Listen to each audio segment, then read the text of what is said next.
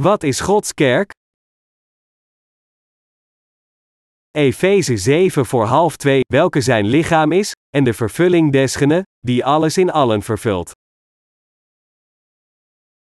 Vandaag wil ik graag met u het woord van waarheid delen wat betreft Gods kerk. Hoewel ik hier kan staan en eindeloos over Gods kerk kan spreken, beginnend met het boek van Genesis en praktisch de hele Bijbel doorlopend, wil ik me focussen op de volgende passage om uit te leggen wat Gods kerk is en wie de ware leden van de kerk zijn. Welke de kerk zijn lichaam is, en de vervulling desgene, die alles in allen vervult, Efeze 7 voor half 2. Laten we beginnen de etymologie van het woord kerk te onderzoeken. Laten we eerst uitzoeken wat het woord kerk betekent. De etymologische oorsprong van het woord kerk is terug te voeren tot het Griekse woord kuriakos, dat betekent met betrekking tot de Heer. Het woord kurios betekent meester of heer, en dit Griekse woord kuriakos duidt op diegenen die betrekking hebben op de Heer. Het woord kerk is een samenkomst die toegewijd is aan Hem. In het Oude Testament wordt het Hebreeuwse woord kahal gebruikt om de kerk aan te duiden. In het Grieks wordt het woord kerk gewoonlijk geschreven als ecclesia. Dit Griekse woord is gelijk aan het Hebreeuwse woord kahal, dat congregatie betekent, en ekkelsie, dat letterlijk vertaald uitroepen van betekent omdat het Griekse woord eka verwijst naar vanuit en kaleo betekent te roepen. Dit is wat het woord kerk betekent in ons korte onderzoek naar de etymologische oorsprong. Over het algemeen wordt het Griekse woord ecclesia gebruikt om de mensen van God die geroepen zijn uit de wereld en geheiligd werden van de rest te beschrijven. In het Nieuwe Testament, in het bijzonder gebaseerd op de leerstellingen van Paulus, wordt de kerk gezien als een speciaal concept dat het lichaam van Christus omschrijft. Ik herhaal hier wat de concordantie van de Bijbel over de kerk zegt.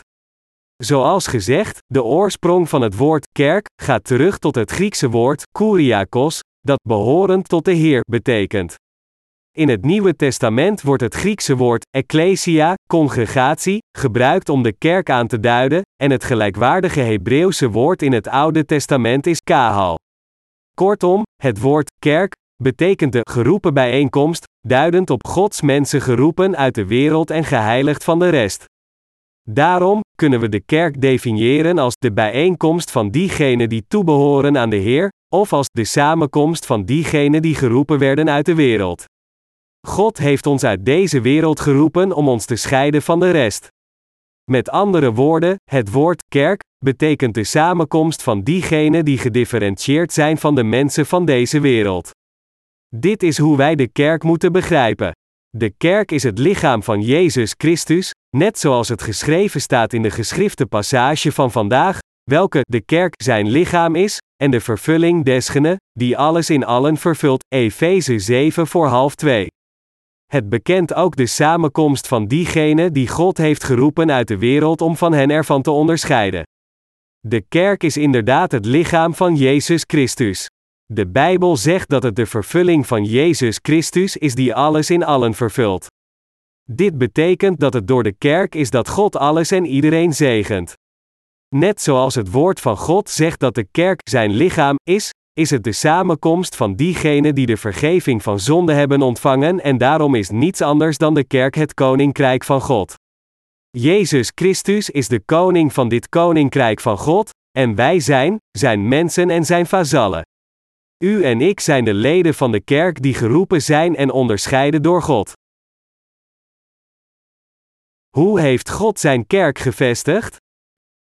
Om deze vraag te beantwoorden, zou ik graag uw aandacht willen richten op Matthäus hoofdstuk 16. Laten we hier naar Matthäus 13 over 4 smiddags min 19 kijken. Als nu Jezus gekomen was in de delen van Caesarea Philippi, vraagde hij zijn discipelen, zeggende: Wie zeggen de mensen dat ik, de zoon des mensen, ben? En zij zeiden: sommigen, Johannes de Doper, en anderen, Elias, en anderen, Jeremia of een van de profeten. Hij zeide tot hen: Maar gij, wie zegt gij dat ik ben? En Simon Petrus antwoordende, zeide: Gij zijt de Christus, de zoon des levende Gods. En Jezus, antwoordende, zeide tot hem, Zalig zijt gij, Simon, Barjona. Want vlees en bloed heeft u dat niet geopenbaard, maar mijn Vader, die in de hemel is. En ik zeg u ook, dat gij zijt Petrus, en op deze Petra zal ik mijn gemeente bouwen, en de poorten der hel zullen dezelve niet overweldigen. En ik zal u geven de sleutelen van het koninkrijk der hemelen, en zo wat gij zult binden op de aarde, zal in de hemelen gebonden zijn, en zo wat gij ontbinden zult op de aarde, zal in de hemelen ontbonden zijn. Hier sprak de Heer duidelijk over de God gevestigde kerk. Toen Jezus de regio van Caesarea Philippi bereikte, vroeg hij zijn leerlingen: Wie zeggen de mensen dat ik, de zoon des mensen, ben? Matthäus 13 over 4 middags. Om deze vraag anders te formuleren, Jezus Christus vroeg zijn leerlingen: Ik werd geboren in deze wereld als de zoon van mensen, maar wie zeggen de mensen dat ik ben? De leerlingen antwoordden hem en zeiden: Sommigen, Johannes de Doper, en anderen, Elias, en anderen Jeremia of een van de profeten. Matthäus 14 over 4 middags. Jezus vroeg hen opnieuw: Maar gij, wie zegt gij dat ik ben? Matthäus kwart over 4 middags. Simon Petrus stapte naar voren en gaf de Heer een moedig en duidelijk antwoord van geloof: Gij zijt de Christus, de Zoon des levende Gods. Jezus zei toen tegen Petrus: Zalig zijt gij, Simon, Barjona. Want vlees en bloed heeft u dat niet geopenbaard, maar mijn Vader, die in de hemel is. Matthäus 17 over 4 middags. Jezus zegt hier tegen Petrus dat het God de Vader was die dit aan hem openbaarde. Hij zei verder in de versen 18-19, en ik zeg u ook, dat gij zijt Petrus, en op deze Petra zal ik mijn gemeente bouwen, en de poorten der hel zullen dezelve niet overweldigen. En ik zal u geven de sleutelen van het koninkrijk der hemelen, en zo wat gij zult binden op aarde, zal in de hemelen gebonden zijn, en zo wat gij ontbinden zult op de aarde, zal in de hemelen ontbonden zijn. Toen Jezus hier zei, Gij zijt Petrus, en op deze Petra zal ik mijn gemeente bouwen, zei hij dat hij zijn kerk op het geloof van Petrus zou bouwen. Toen Petrus zijn geloof aan Jezus beleidde en zei: Gij zijt de Christus, de Zoon des levende Gods, prees Jezus hem voor zijn geloof en zei tegen hem: Dit is niet iets dat u zelf hebt geleerd, maar het is wat God de Vader aan u geopenbaard heeft. Hij zei verder tegen Petrus: Op deze rots, dat wil zeggen op uw geloof, zal ik mijn kerk bouwen. Waarom zei Jezus dit tegen Petrus? De Heer legde hier aan ons uit hoe God zijn kerk gevestigd heeft. In de tijd van Jezus zeiden sommige mensen dat hij Johannes de Doper was, sommigen zeiden Elia en weer andere Jeremia of een van de profeten. In tegenstelling tot dit, beleidde Petrus aan de Heer: Gij zijt de Christus, de Zoon des levende Gods. Matthäus 16 over 4 middags. Nadat Petrus deze belijdenis maakte, zei de Heer tegen hem dat hij zijn kerk door Petrus zou bouwen, en hij gaf hem de sleutels van het koninkrijk van de hemelen. God was in staat zijn kerk door Petrus te bouwen. Het geloof van Petrus werd duidelijk getoond door zijn belijdenis, want hij beleidde zijn geloof aan de Heer door te zeggen: Gij zijt de Christus, de Zoon des levende Gods. De Heer Jezus is inderdaad de Christus en de Zoon van de levende God. De Heer is niet alleen God de Schepper die het universum maakte, maar Hij is ook haar koning en haar absolute heerser. En de Heer is de hoge priester van het koninkrijk van de hemel, onze verlosser en onze profeet. Petrus beleidde dat hij in al deze ambten van Jezus geloofde, door tegen hem te zeggen: U bent mijn koning, de schepper van het universum, haar heerser en haar verlosser. U bent naar deze aarde gekomen als de verlosser van het universum, en door uw lichaam aan God de Vader te offeren, hebt u ons allen gered. U bent de hoge priester van het eeuwigdurende koninkrijk van de hemel, en u bent ook de profeet die de waarheid tegen ons spreekt. Toen Petrus zo zijn geloof beleidde, prees Jezus hem voor dit geloof en zei: Zalig zijt gij, Simon, Barjona. Matthäus 17 over 4 middags. Hij zei verder tegen Petrus: Gij zijt Petrus, en op deze Petra zal ik mijn gemeente bouwen. Matthäus 18 over 4 middags. Jezus zei ook tegen Petrus: en ik zal u geven de sleutelen van het koninkrijk der hemelen, en zo wat gij zult binden op de aarde, zal in de hemelen gebonden zijn, en zo wat gij ontbinden zult op de aarde, zal in de hemelen ontbonden zijn. Matthäus 19 over 4 smiddags. En hier in de geschrifte passage van vandaag staat geschreven dat de kerk is zijn lichaam, die alles in allen vervult. Efeze 7 voor half 2. Bij elkaar genomen, betekenen deze passages dat God zijn kerk vormt door diegenen die hetzelfde geloof hebben als dat van Petrus, en God zegent alles en iedereen in dit hele universum door zijn koninkrijk. Het is op het geloof van diegenen die in Jezus Christus de Verlosser geloven dat God zijn kerk bouwt. Waar de Heer hier tegen Petrus zegt: Op deze Petra zal ik mijn gemeente bouwen, en de poorten der hel zullen dezelfde niet overweldigen. En ik zal u geven de sleutelen van het koninkrijk der hemelen. Matthäus 18 over 4 middags min 19. De sleutels van het koninkrijk van de hemel verwijzen hier naar niets anders dan het geloof van Petrus. Petrus beleidde zijn geloof door tegen de Heer te zeggen: Gij zijt de Christus, de Zoon des levende Gods, en het is dit geloof dat de kerk van God predikt.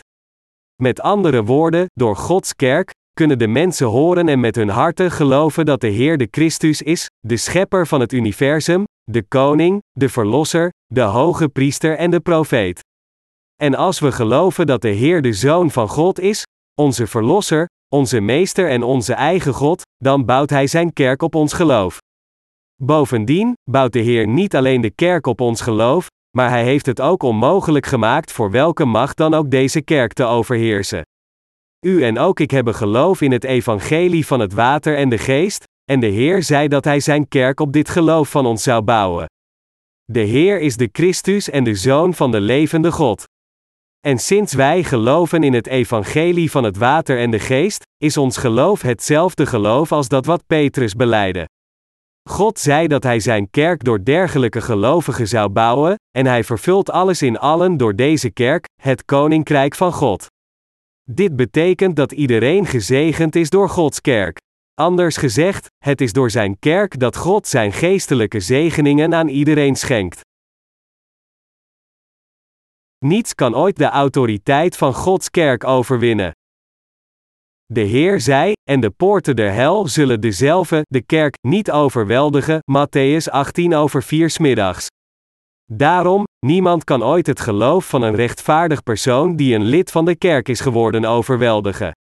Geen enkele onderdrukking of vervolging komend uit de poorten van de hel kunnen ooit het geloof van de rechtvaardige overwinnen. Zelfs als de rechtvaardige gedood wordt, hun geloof in de rechtvaardigheid van God kan nooit worden overwonnen. Dat is omdat de Heer het hoofd is van de kerk en wij de rechtvaardigen zijn lichaam zijn. Heeft de Heer de dood niet overwonnen door van de dood te verrijzen? Inderdaad, de Heer overwon niet alleen de lissen van de duivel, maar hij reinigde ook al de zonde van iedereen en droeg de veroordeling van zonde voor het hele menselijke ras, en daarom kunnen diegenen van ons die in deze waarheid geloven nooit overwonnen worden de slechterikken. Wat is Gods kerk dan? Het is het koninkrijk van God. Dat is waarom Jezus zei dat de poorten van de hel nooit Gods kerk kunnen overweldigen.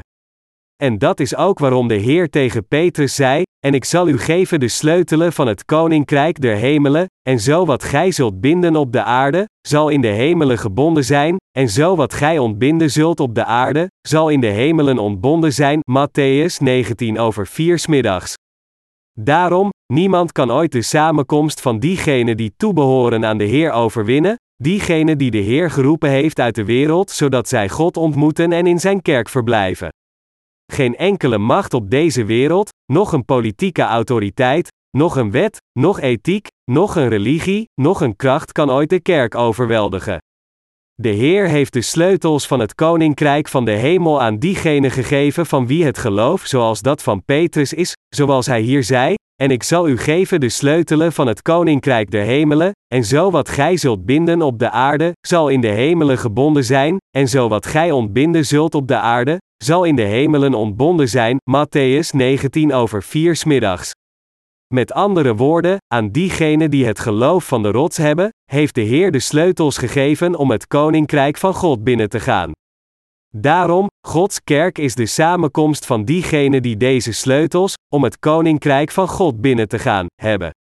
Vandaag, sinds wij geloven in het evangelie van het water en de geest, hebben wij de sleutels van het koninkrijk van de hemel en de macht anderen naar dit koninkrijk te sturen. Dus, wat Gods kerk, zijn dienaren en heiligen binden aan deze aarde, zullen ook gebonden zijn in het koninkrijk van de hemel. Wat de kerk bindt is ook gebonden in de hemel, en wat de kerk ontbindt wordt ook ontbonden in de hemel. Dit is de macht die God aan zijn kerk heeft gegeven.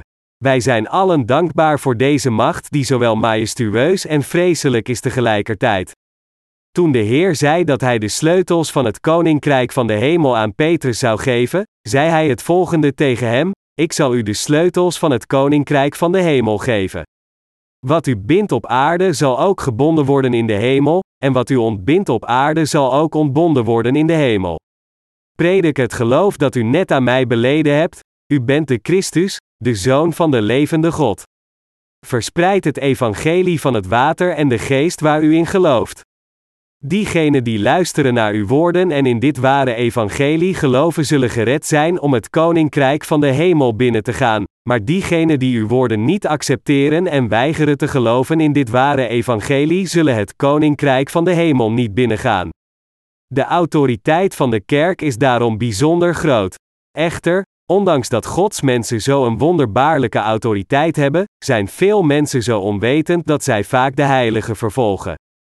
Maar zij moeten voorzichtig zijn dat zij geen ellende op zichzelf richten. Toen de kerk van Pogeon probeerde het evangelie van het water en de geest te verspreiden, waren er mensen die zich rond de kerk posteerden en de kerk slecht maakten. Blijkbaar gebeurde dit door mensen die de kerk hadden verlaten. Maar later hoorde ik dat iemand uit deze mensen zijn huis zag afbranden, iemand anders werd krankzinnig en weer iemand anders was betrokken bij een auto-ongeluk. Dit is wat hen feitelijk gebeurde. Wij wilden natuurlijk niet dat deze dingen gebeurden, maar zij hadden om Gods straf gevraagd door tegen zijn kerk te staan. Ondanks dat de kerk van God het evangelie van het water en de geest aan hen predikte, voor hen bad en innig voor hen zorgde, haatten zij Gods kerk en maakten de kerk openlijk slecht. Zij verafschuwden de kerk niet alleen, maar zij verspreidden ook lasterlijke geruchten om de kerk slecht te maken. En deze mensen werden allen getroffen door tragische ongelukken. Dit gebeurde niet omdat wij dit op de een of andere manier wilden. Verre van, dit gebeurde omdat God gezegd had dat Hij iedereen zou straffen die zijn kerk slecht maakt, en wij waren gewoon de getuigen van de vervulling van dit woord. Onze kerk in Seoul bevindt zich op de derde verdieping van een gebouw, en er zit een bakker op de begane grond. Ik hoorde dat sommige van onze predikers deze bakkerij, de bakkerij van Izebel, noemen. Zoals de meeste van u waarschijnlijk weten, was Izebel de vrouw van koning Ashab die tegen Gods mensen stond en idolen aanbad. U kunt zich voorstellen hoe erg de eigenaresse van deze bakkerij tegen de kerk moet hebben gestaan dat onze predikers het de bakkerij van Izebel noemen. De eigenaresse van de bakkerij was geestelijk zo gemeen en had zo weinig respect voor de kerk dat ze van alles deed om ons lastig te vallen, ze klaagde zelfs over de parkeerplaatsen en weigerde deze met ons te delen. Weet u wat er met deze bakkerij gebeurde? Ze ging failliet en de eigenaresse moest alles verbeurd verklaren. Als het verleden ons een lee leert, dan is het wel dat niemand tegen de kerk moet staan, want hoewel al diegenen die hun levens met de kerk hebben verenigd steeds meer gezegend werden in de loop der tijd, werden al diegenen die de kerk haten en er zonder reden tegenin gingen geruïneerd. God trapt op dergelijke mensen. Dit toen ons duidelijk dat niemand ooit de macht van de kerk kan overwinnen. De macht van Gods kerk is buitengewoon groot. Jezus zei: En zo wat gij zult binden op de aarde, zal in de hemelen gebonden zijn, en zo wat gij ontbinden zult op de aarde, zal in de hemelen ontbonden zijn. Matthäus 19 over 4 smiddags. Deze passage betekent dat al diegenen die met heel hun hart geloven in het evangelie gepredikt door Gods kerk gered kunnen worden om de hemel binnen te gaan. Gods kerk predikt die evangelie van het water en de geest aan iedereen. Al diegenen die luisteren naar dit evangelie en erin geloven, kunnen de vergeving van zonden ontvangen, maar al diegenen die niet geloven in dit oprechte evangelie gepredikt door Gods kerk kunnen de vergeving van zonde nooit ontvangen. Dus, het is de kerk die bepaalt of iemand gered is van zonden of niet. Als de kerk tegen sommige mensen zegt dat zij nog niet gered zijn, en dat zij nog steeds gebonden zijn aan de hel, dan zullen zij zeker in de hel eindigen. Al diegenen die de kerk vervloekt hebben geen keus dan vervloekt te zijn. Dat is omdat de Heer zei dat hij zijn kerk niet alleen op de rots van Petrus geloof zou bouwen, maar dat hij ook een dergelijke onoverwinnelijke autoriteit aan Gods kerk zou geven. Het staat geschreven in 1 Petrus 3 vers 21, waarvan het tegenbeeld, de doop, ons nu ook behoudt, niet die een aflegging is der vuiligheid des lichaams, maar die een vraag is van een goed geweten tot God, door de opstanding van Jezus Christus. Dit betekent dat God al diegenen in de hemel zal accepteren die luisteren naar en geloven in het evangelie van het water en de geest, dat gepredikt werd door Petrus, hen het eeuwige leven geeft en hen tot leden van zijn kerk maakt. Anders gezegd, al diegenen die in het evangelie van het water en de geest geloven behoren toe aan de Heer, en al deze mensen zullen alle hemelse zegeningen van de Heer ontvangen. Van de andere kant, als iemand niet in dit evangelie van het water en de geest gelooft dat gepredikt werd door Petrus, zullen zij vanwege hun ongeloof veroordeeld worden voor de zonde die nog steeds in hun harten verblijven. Bovendien, dergelijke mensen kunnen nooit een enkele zegening van de hemel ontvangen. Dat de macht van Gods kerk groot is, betekent dat het alles in allen vervult. De Heer zei dat Gods kerk de vervulling van Hem is die alles in allen vervult. Wat dit betekent is dat niet alleen God overal is, maar het betekent ook dat door het evangelie van het water en de geest aan iedereen in deze wereld te prediken die afgedreven zijn van God vanwege de zonde, de kerk iedereen in staat stelt de vergeving van hun zonde te ontvangen en wedergeboren te worden, hen daarmee in beide lichaam en geest te vernieuwen en hen allen te zegenen. Dat is waarom Jezus zei dat deze wereld gezegend werd door God dankzij het evangelie van het water en de geest dat gepredikt wordt door zijn kerk en haar dankzeggingen. Door Petrus kunnen we ons realiseren op welk soort van geloof Gods kerk werd gebouwd. Toen de Heer tegen Petrus zei: En op deze Petra zal ik mijn gemeente bouwen, Matthäus 18 over 4 smiddags, zei hij dat hij Gods kerk op het geloof van Petrus zou bouwen. Dit, op zijn beurt, betekent dat God zijn kerk op het geloof dat u en ik hebben in het evangelie van het water en de geest bouwt. En God predikt dit evangelie aan de mensen van deze wereld door u en mij, en God zegent hen door zijn kerk. Daarom, het is door Gods kerk dat deze wereld en het hele universum gezegend zijn. Door welke instelling werkt God op deze wereld? Welke instelling brengt Gods zegeningen naar deze aarde? Het is niets anders dan Gods kerk. Dit is de absolute, voor eeuwige onveranderende waarheid. Hier in het boek van Efeze spreekt de apostel Paulus hoofdzakelijk over Gods kerk. Ergens anders in het boek van Galaten sprak hij over het valse geloof, en hij beschreef de bedrieglijkheid van de fysieke besnijdenis en de waarheid van het evangelie van het water en de geest. De praktijk van besnijdenis uit het Oude Testament is vandaag veranderd in de gebeden van berouw, en de apostel Paulus leerde ons hoe verkeerd dit was en hoe het komt dat zoveel christenen werden weggeleid van Gods kerk en het ware evangelie. De apostel Paulus vertelde ons stevig in het evangelie van het water en de geest te verblijven waar hij in geloofde. En hier in het boek van Efeze spreekt hij over Gods kerk, ons lerend dat zelfs voor de stichting van de wereld, God ons koos en ons voorbestemde in Christus gered te worden, zodat Hij alles samen zou brengen die in de hemel en op aarde zijn. De apostel Paulus zegt dat God de Vader ons tot zijn eigen kinderen in Jezus Christus heeft gemaakt door het evangelie van het water en de geest, en dat Hij zijn kerk op dit oprechte geloof van ons heeft gebouwd. Dit betekent dat al diegenen die in het evangelie van het water en de geest geloven toebehoren aan God, aan Christus en aan de kerk. Ieder van ons moet beseffen wat God voor ons door zijn kerk heeft gedaan. We moeten ons goed realiseren dat God door zijn kerk werkt. En we moeten hier begrijpen dat elke zegening komt door Gods kerk, en dat Gods wil ook door zijn kerk wordt vervuld. Ondanks dat ik toegeef dat ik zelf machteloos en ontoereikend ben, maar omdat ik geloof in het evangelie van het water en de geest dat de Heer ons gaf, heb ik al het vertrouwen dat de Heer mij zegent en in mijn leven werkt door Gods kerk. God liet zijn kerk de evangelische dienst van het water en de geest steunen, en hij heeft ons de gelovigen veranderd in zijn werkers om dit evangelie van zaligmaking over heel de wereld te prediken. God schenkt al deze geestelijke zegeningen van de hemel aan al zijn dienaren, al zijn werkers en al zijn heiligen verblijvend in zijn kerk. Door in Gods kerk te komen door te geloven in het evangelie van het water en de geest, zijn wij onze slechtheid gaan beseffen, en wij volgen onze Heer in gehoorzaamheid ondanks dat onze handelingen niet perfect zijn. En wij geloven ook dat God alles wat zijn kerk doet zal zegenen zolang als het niet tegen zijn wil ingaat, en dat God ons in beide lichaam en geest zal zegenen wij die onze harten met Gods kerk hebben verenigd om trouw zijn werk uit te voeren. Dat is waarom de macht van Gods kerk zo groot is. Mijn medegelovigen, de poorten van de hel kunnen ons de wedergeborenen niet overweldigen, Matthäus 18 over 4 smiddags. Zelfs als onze lichamen vermoord worden, zullen wij opnieuw leven. Door de eerste verrijzenis, Openbaring 20 vers 5 tot 6, zullen we weer levend worden gemaakt om voor eeuwig met Christus te leven.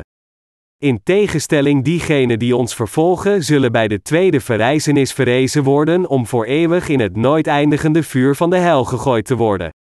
Nooit in staat om te sterven zullen zij voor eeuwig lijden. En het is niets anders dan de autoriteit van de Heer die dit teweeg brengt. Mijn medegelovigen, toen onze Heer naar deze aarde kwam, droeg Hij onze zonde door zijn doopsel, vergoot zijn bloed tot de dood aan het kruis en verrees op de derde dag weer van de dood. Diegenen van ons die wedergeboren zijn, zullen voor eeuwig met de eeuwige zegeningen leven, maar alle anderen, diegenen die weigeren te geloven in het evangelie van het water en de geest en diegenen die Gods kerk vervolgen en er tegen ingaan, zullen voor eeuwig door God vervloekt worden. God kan dergelijke mensen nooit toleren die tegen zijn kerk ingaan en haar vervolgen. Er is niemand op deze aarde die ooit tegen Gods kerk heeft gestaan en haar overwonnen heeft. Ik weet niet zeker of u ooit de kans hebt gehad om de film Quo Vadis te zien.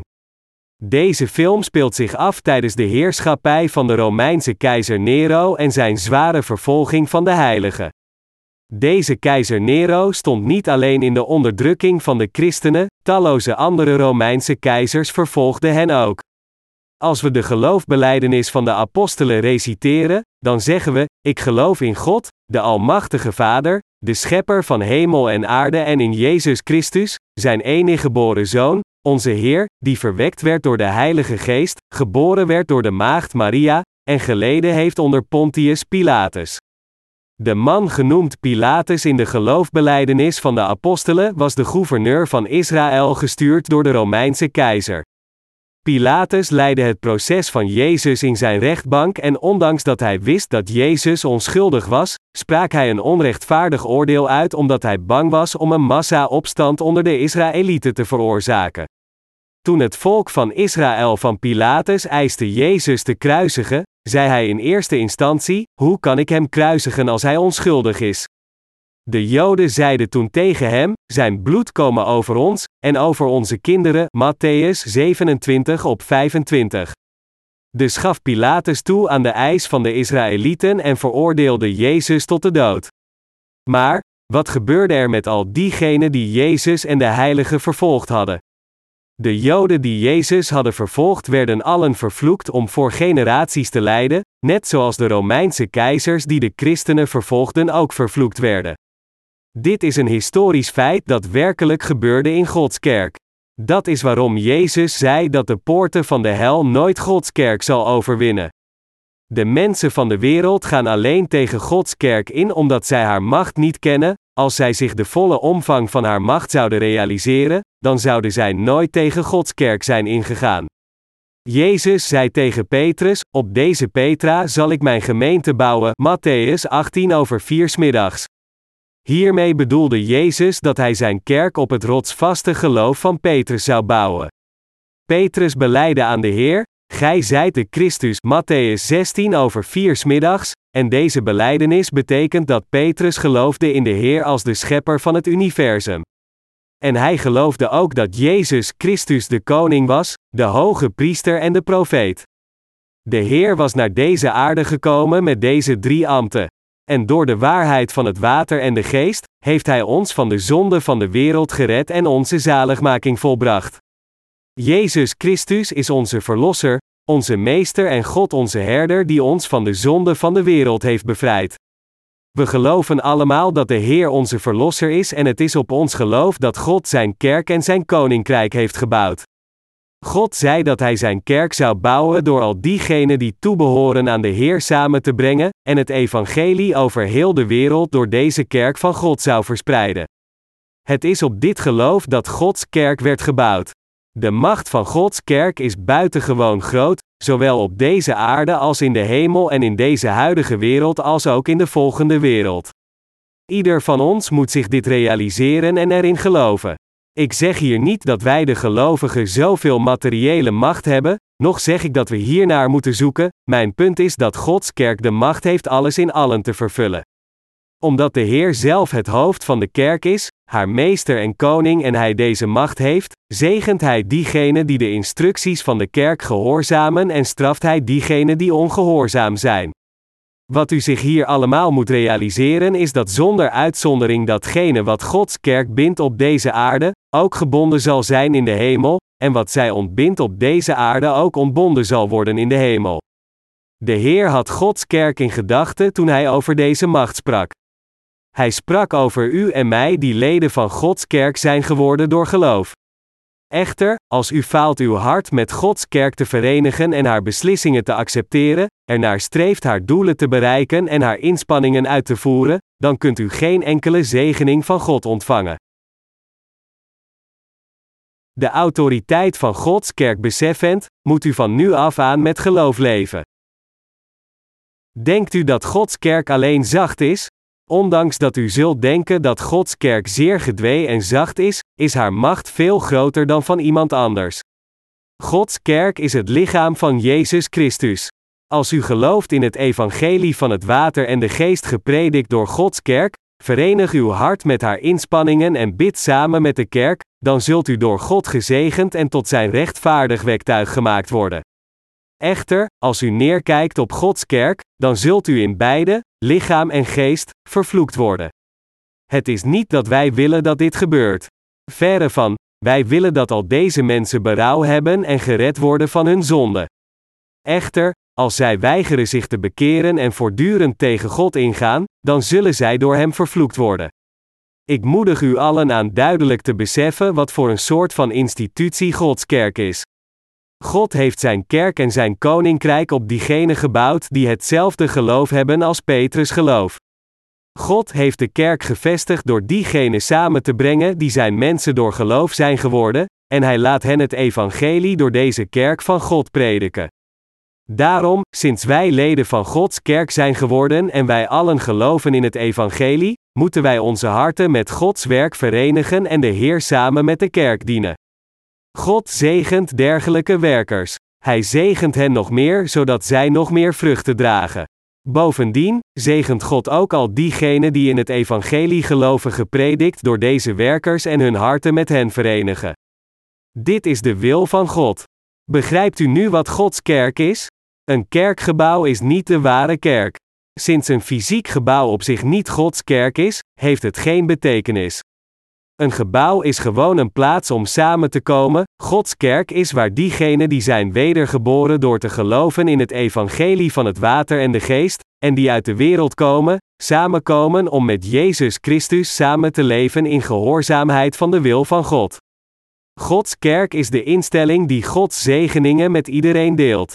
Als u Gods zegeningen wilt ontvangen, dan moet u in zijn kerk verblijven. Gods kerk is ook de instelling die deze wereld beoordeelt. Wat Gods kerk zegt dat juist is, is juist en wat Gods kerk zegt dat verkeerd is, is verkeerd. Katholieken beweren dat Petrus de eerste paus was, omdat de Heer tegen hem zei: Ik zal u geven de sleutelen van het koninkrijk der hemelen, Matthäus 19 over 4 smiddags. Dit is echter een diepgaand verkeerd begrip. Petrus was iemand die geloofde in het evangelie van het water en de geest net zoals u en ik. Hij was een gelovige in het evangelie van het water en de geest. En hij beleidde aan de Heer: Gij zijt de Christus, de Zoon des levende Gods. Matthäus 16 over 4 smiddags. Ergens anders in 1 Petrus 3 vers 21 zei hij ook: waarvan het tegenbeeld, de doop, ons nu ook behoudt, niet die een aflegging is der vuiligheid des lichaams, maar die een vraag is van een goed geweten tot God, door de opstanding van Jezus Christus. Deze passage legt de essentie van Petrus geloof vast. Net zoals Petrus aan de Heer beleidde, Gij zijt de Christus, de Zoon des levende Gods, Matthäus 16 over 4 middags, was hij een dienaar van God die met heel zijn hart geloofde dat het doopsel van Jezus Christus al zijn zonde had weggewassen. Dat is precies waarom Petrus zijn geloof aan de Heer voor zijn kruisiging beleidde en tegen hem zei: Gij zijt de Christus, de Zoon des levende Gods, Matthäus. En het is door Petrus' beleidenis van geloof dat de Heer tegen hem zei: Ik zal mijn kerk op deze rots bouwen, op dit geloof van u ik geef u de sleutels van het koninkrijk van de hemel. Deze sleutels zijn nu van u, maar niet alleen u hebt de sleutels van het koninkrijk van de hemel, maar ook al diegenen die leerlingen van Jezus Christus zijn geworden door geloof. Er staat hier in Efeze 7 voor half 2 geschreven, welke de kerk zijn lichaam is, en de vervulling desgene, die alles in allen vervult. Wiens lichaam is Gods kerk? Het is het lichaam van Jezus Christus. U en ik zijn het lichaam van Jezus Christus. Wat doet Gods kerk aan alle dingen in het universum? De Bijbel zegt dat de kerk de vervulling desgenen is, die alles in allen vervult. Efeze 7 voor half 2. Dit betekent dat Jezus Christus alles in allen vervult door u en mij. Anders gezegd, het is door Gods kerk dat Jezus Christus alles en iedereen zegent, de mensen in staat stellend wedergeboren en Gods eigen kinderen te worden en van het eeuwige leven te genieten. De institutionele werkzaamheden van de kerk zijn niets anders dan het evangelie van het water en de geest te prediken, de wil van God te verkondigen, zijn evangelie dienend en het voor iedereen mogelijk makend gezegend te worden door God. Dergelijke werkzaamheden worden door niemand anders gedaan dan u en mij, en dat is waarom wij God zo dankbaar zijn. God heeft zijn kerk, op ieder van ons die wedergeboren zijn door geloof, gebouwd. Door ons als zijn lichaam te roepen, werkt God door ons en zegent iedereen door ons. Hebt u uw geestelijke ogen van uw hart nog niet geopend? Er staat geschreven in Efeze 11 over 1, in hem, in welken wij ook een erfdeel geworden zijn, wij, die tevoren verordineerd waren naar het voornemen desgene, die alle dingen werkt naar den raad van zijn wil. Wij zijn Gods kinderen geworden in overeenstemming met zijn wil. God had onze zaligmaking al gepland in Christus voor de stichting van de wereld, zodat wij Gods glorie loven. De apostel Paulus zei dat God ons tot zijn eigen kinderen heeft gemaakt vanuit zijn eigen wil, en hij wil dat wij dit allemaal beseffen. God wil dat wij zijn gelovigen weten wie hij is, net zoals het geschreven staat in Efeze 17 over 1-19, opdat de God van onze Heere Jezus Christus, die Vader der heerlijkheid, u geven den geest der wijsheid en de openbaring in zijn kennis, namelijk, verlicht de ogen uw wees verstands, opdat gij moogt weten, welke zij de hoop van zijn roep in, en welke de rijkdom zij der heerlijkheid van zijn erfenis in de heilige, en welke de uitnemende grootheid zijner kracht zij aan ons, die geloven, naar de werking der sterkte zijner macht. Wat de apostel Paulus ons probeert te leren in de bovenstaande passage is dat God wil dat wij ons allen realiseren hoe Hij onze zaligmaking heeft volbracht en ons bevrijden door Zijn almachtige macht, hoe groot de glorie is die wij zullen genieten in het koninkrijk van de hemel, en hoe groot de rijkdom van deze glorie is. Dit is wat de apostel Paulus zei tegen de heiligen en haar dienaren in de Efesische kerk. Paulus zei ook dat de machtige macht van God de Vader in Christus werkte toen hij hem van de dood verrees en hem aan zijn rechterhand plaatste. God de Vader gaf al de macht en autoriteit aan zijn Zoon om over elk gebied te heersen, om niet alleen ver boven deze wereld te zijn, maar alle toekomstige dingen. Bovendien heeft de Heer de zaligmaking van het menselijke ras vervuld volgens de wil van God. Jezus Christus heeft ons gered en ons tot Gods eigen kinderen gemaakt volgens de wil van God de Vader. En Hij heeft ieder van ons die geloven in Christus verheerlijkt. Dit is wat de apostel Paulus ons leert. De Heer zegt dat Hij alles in allen heeft vervuld, en Hij wil dat wij dit beseffen. Ieder van ons moet zich realiseren hoe groot onze zaligmaking is en hoe perfect wij gered zijn geworden. Door Zijn kerk te vestigen, werkt God met elk lid. Alle heerschappijen in de hemelen en op de aarde geschapen door God gehoorzamen Hem. Ondanks dat een paar engelen ongehoorzaam waren en tegen God in opstand kwamen, laat Jezus Christus alle dingen voor God de Vader, de Zoon en de Heilige Geest in onderwerping knielen, want Hij kwam naar deze aarde en maakte ons tot Gods eigen kinderen.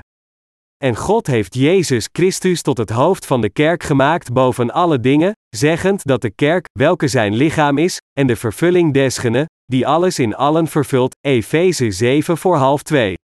Sinds God zijn kerk in deze wereld heeft geplaatst, werkt en heerst Hij door deze kerk van Hem. Dit betekent dat God ons een samenkomst heeft gegeven waar Hij kan werken. Dit is wat God tegen ons zegt door de Bijbel. God heeft ons zijn kerk gegeven, en deze kerk is de plaats waar God ons naar geroepen heeft om gered te worden van zonde, zijn eigen kinderen te worden en met Hem te verblijven. Door zijn kerk te vestigen en Jezus Christus tot haar hoofd te maken, heeft God het voor ons mogelijk gemaakt onder de leiding van de Heer te leven. Net zoals de meeste landen tegenwoordig een soort van plaatselijke overheid hebben, werd het lokale bestuur ook toegepast in het Romeinse keizerrijk. Met andere woorden, als Rome een land veroverde, dan vestigde het vaak een semi-autonoom administratief orgaan om te heersen over de bevolking in het veroverde gebied. In die tijd genoten de burgers van Rome van veel privileges en rechten. Het Romeinse burgerschap op zichzelf verleende hen enorme privileges. Op een gelijkaardige manier, sinds wij wedergeboren zijn door te geloven in het evangelie van het water en de geest, zijn wij verzegeld als Gods kinderen. En de Heer God heeft ons geroepen uit de macht van de duisternis en ons naar het koninkrijk van de Zoon van God verhuisd. Kortom, wij zijn de burgers van het koninkrijk van God geworden. Door ons tot zijn eigen kinderen te maken, heeft God ons allen samengebracht in zijn koninkrijk. Dit is Gods kerk. God spreekt en werkt in zijn kerk. Het is door zijn kerk dat God werkt. God zei dat de kerk zijn lichaam is, hij is haar hoofd, en wij de gelovigen zijn haar leden. En God werkt door ons de leden van zijn kerk. Met andere woorden, Jezus Christus, het hoofd van de kerk, werkt door u en mij in de kerk, welke zijn lichaam is. Dat is hoe de Heer alles en iedereen zegent. God heeft ons zo gezegend om deel te nemen aan zijn glorie. Toen wij als eerste geloofden in het evangelie van het water en de geest, zag God ons geloof, en dat is waarom Hij ons als Zijn kinderen verzegelde, en dat is ook waarom God over ons allemaal heerst. God heerst over ons als onze koning, interveneert en werkt in onze levens. Sinds Hij heerst over alle dingen, heeft Hij iedereen in staat gesteld al de geestelijke zegeningen die Hij offert door Zijn kerk te ontvangen, en dit is het doel waarvoor God de kerk heeft gevestigd. Wat is Gods kerk dan? Het is de samenkomst van diegenen die geroepen zijn geworden door God om bevrijd en vergeven te worden van al hun zonden. God zei dat Hij werkt door de kerk, wat zijn lichaam is. Als we naar 2 Korinthe 14 over 6 min 18 gaan, dan kunnen we duidelijk zien dat God deze kerk aan niemand anders dan ons schonk, want er staat geschreven. Trek niet een ander juk aan met de ongelovigen, want wat mededeel heeft de gerechtigheid met de ongerechtigheid, en wat gemeenschap heeft het licht met de duisternis? En wat samenstemming heeft Christus met Belial of wat deel heeft de gelovige met den ongelovige? Of wat samenvoeging heeft de tempel des levende Gods, gelijkerwijs God gezegd heeft, ik zal in hen wonen, en ik zal onder hen wandelen, en ik zal hun God zijn, en zij zullen mij een volk zijn. Daarom gaat uit het midden van hen, en scheidt u af, zegt de Heere, en raakt niet aan hetgeen onrein is, en ik zal uw lieden aannemen. En ik zal u tot een vader zijn, en gij zult mij tot zonen en dochters zijn, zegt de Heere, de Almachtige. Wat zou er gebeuren als er niet wedergeboren mensen zich vermengen met Gods kerk? De Heer zou niet in een dergelijke kerk werken, hij zou te vermoeid en beledigd zijn om te werken. Bovendien, het eerste wat God onder dergelijke omstandigheden zou doen is al de ongelovigen uit te roeien van de kerk. Dat is waarom God veel ongelovigen uit onze kerk heeft verwijderd. Wij waren niet degene die hen uit de kerk dreven, maar het was God die hen uitroeide. Hoe kunnen wij de gelovige broederschap hebben met dergelijke ongelovigen? Gods kerk is de samenkomst van de bevoorrecht mensen die God geroepen heeft uit de macht van de duisternis, en die Gods eigen kinderen zijn geworden door te geloven dat Hij hen gered heeft door het evangelie van het water en de geest. En Gods kerk is waar Zijn werk wordt uitgevoerd. God heeft Zijn kerk gezegend om te genieten van alle glorie en pracht van de hemel en heerst over haar heerschappijen. God de Vader heeft Jezus Christus verwekt, die het evangelie van het water en de geest heeft vervuld, het hoofd van zijn kerk, zodat God de Vader al zijn kinderen door zijn kerk zou zegenen. Na al zijn kinderen uit de mensen van de wereld te roepen en hen van de zonde te redden, zei God tegen hen: Ik zal in hen wonen, en ik zal onder hen wandelen. En ik zal hun God zijn, en zij zullen mij een volk zijn. 2 Korinthe 16 over 6.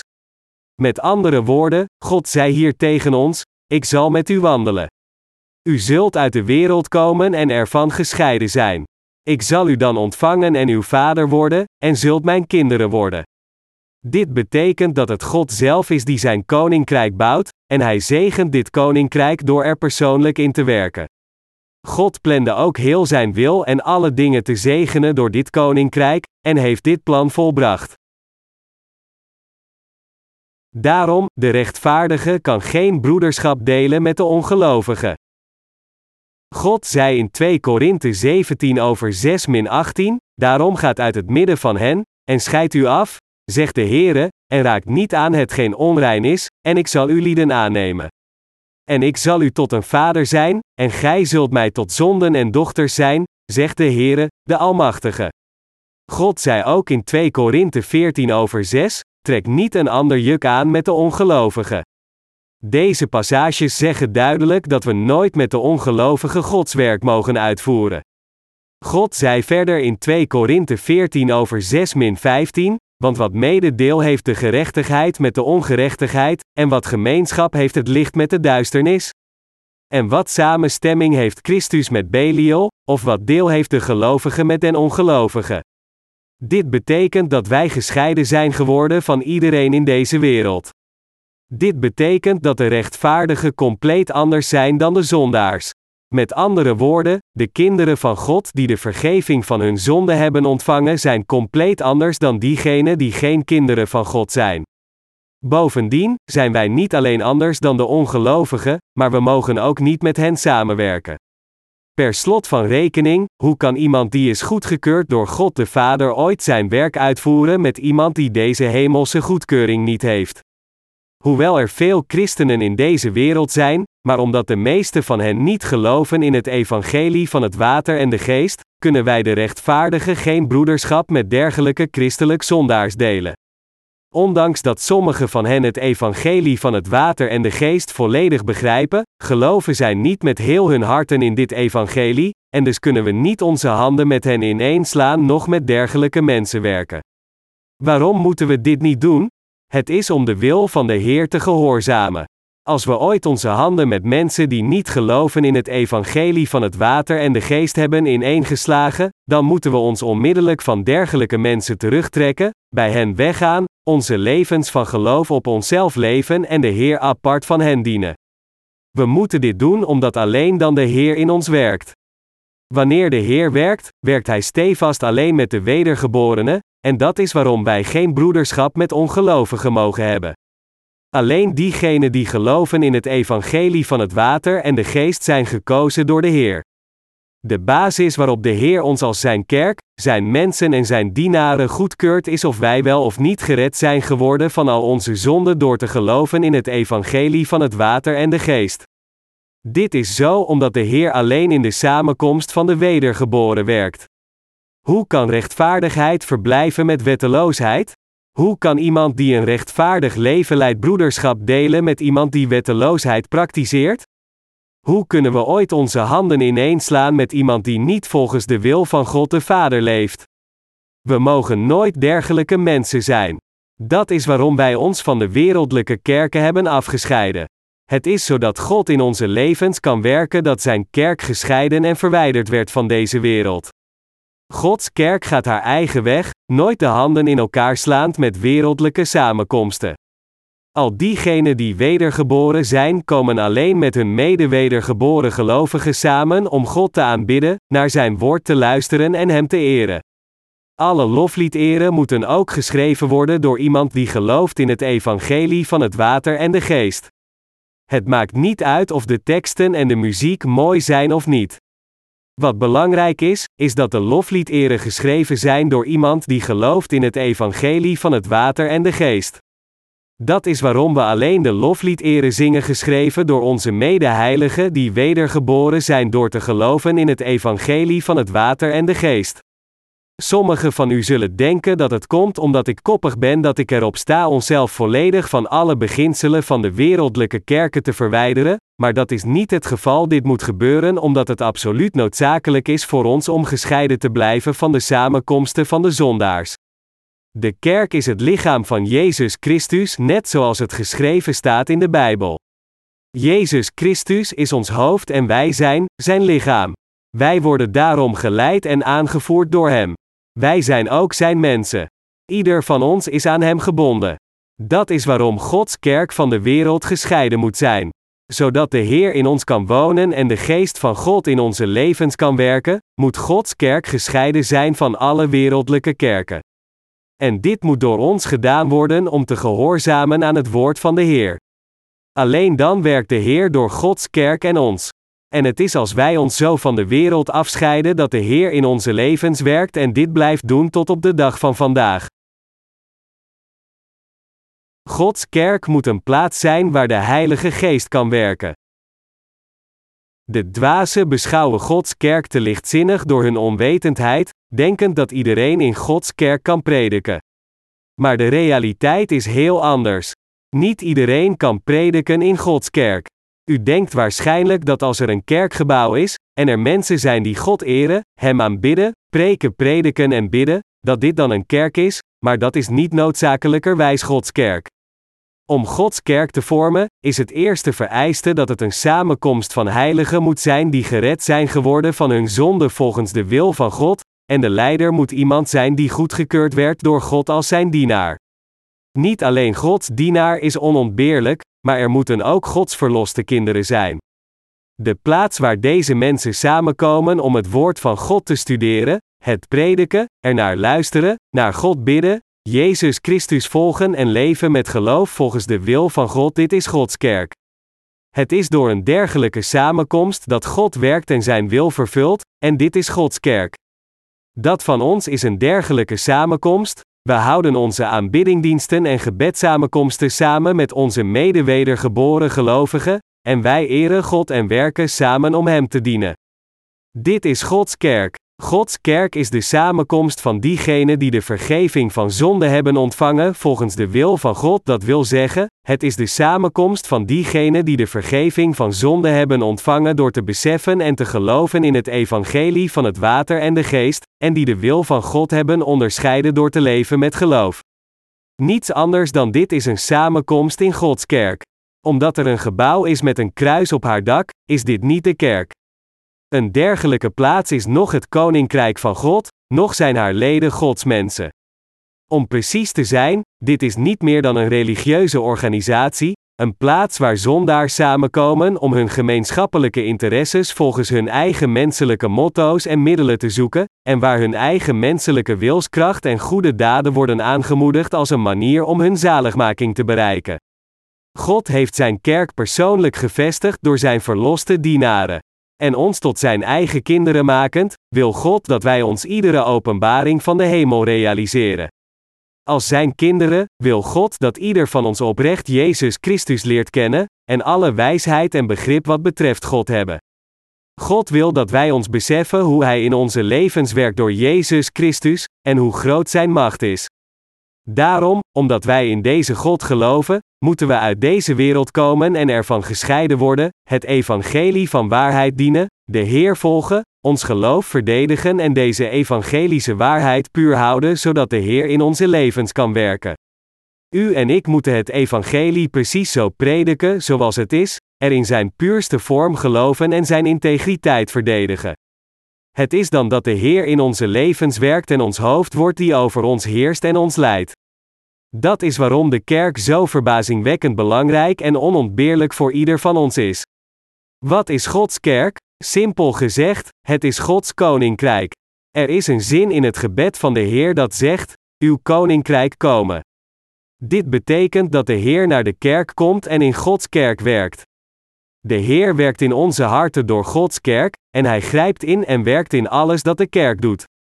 Samenkomend in deze kerk zijn de heiligen die werken tot het genoegen van de Heer door al hun vertrouwen in Hem te plaatsen, en het zijn deze heiligen die de Heer beschermt en zegent.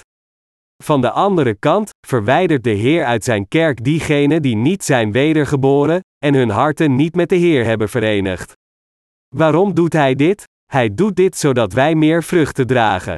God heeft dit werkelijk in onze kerk gedaan. Inderdaad, God heeft ons niet alleen gered, maar Hij heeft ons ook samengebracht en ons tot leden van de kerk gemaakt. Hij heeft ons uit de wereld geroepen om samen te komen. God is daardoor ons hoofd en onze koning geworden, en we zijn Zijn lichaam en Zijn onderdanen geworden. En door deze kerk laat God ons Zijn evangelie aan iedereen prediken, en heeft Hij het mogelijk gemaakt dat iedereen gezegend wordt. Daarom, als we doorgaan met onze levens, moet ieder van ons een duidelijk begrip hebben over de plichten en de roeping van de kerk. Het is door Zijn kerk dat God iedereen in de wereld zegent. Het is door de kerk dat God Zijn werkers zegent, Zijn mensen en alle anderen.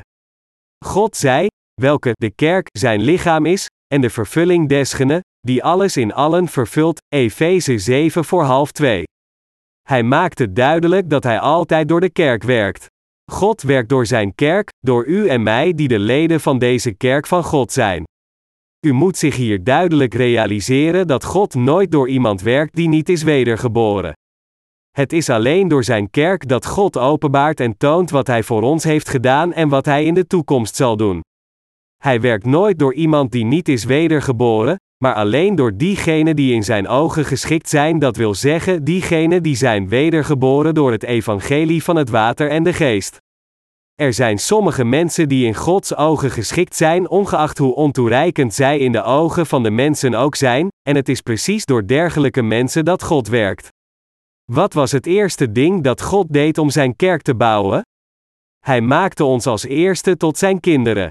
Het is voor ons absoluut noodzakelijk dit duidelijk te beseffen.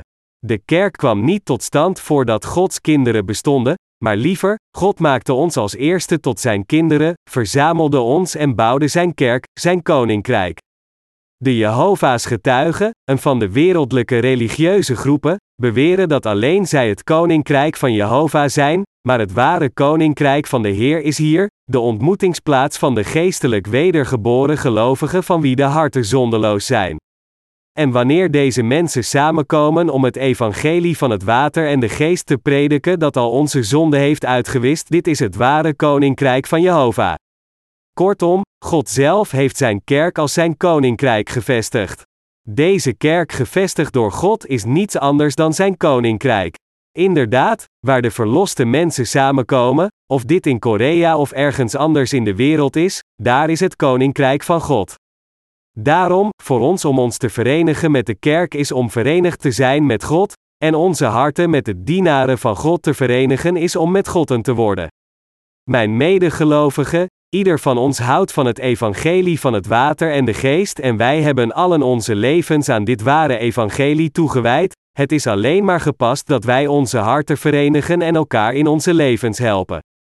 Het is alleen maar gepast van ons om zo te leven omdat wij een familie en een lichaam van Jezus Christus zijn. God redde ons als eerste om Zijn kerk te bouwen, dat het koninkrijk op deze aarde is. Hij heeft ons voor iemand anders gered door het evangelie van het water en de geest. Wij geloven standvastig in deze waarheid, en we danken God dat Hij ons tot Zijn eigen mensen heeft gemaakt. We geloven ook dat zelfs op dit moment, God ons beschermt en ons helpt, zodat wij trouw elke en iedere taak waarmee de Heer ons heeft toevertrouwd uitvoeren. Ik dank God voor het geven van Zijn kerk aan ieder van ons die gelooft in het evangelie van het water en de geest. Halleluja!